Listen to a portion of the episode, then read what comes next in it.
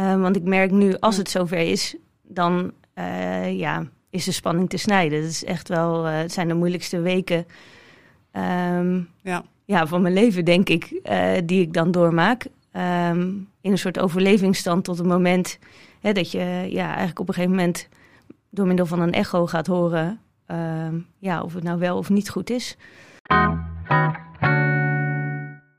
Het ging toen heel erg snel. We waren bij 15 weken. Toen hadden we een uitslag van: oké, ja, dit, gaat niet goed. Je kindje is niet levensvatbaar. Eh, en toen moesten we eigenlijk een keuze maken. Wat doe je?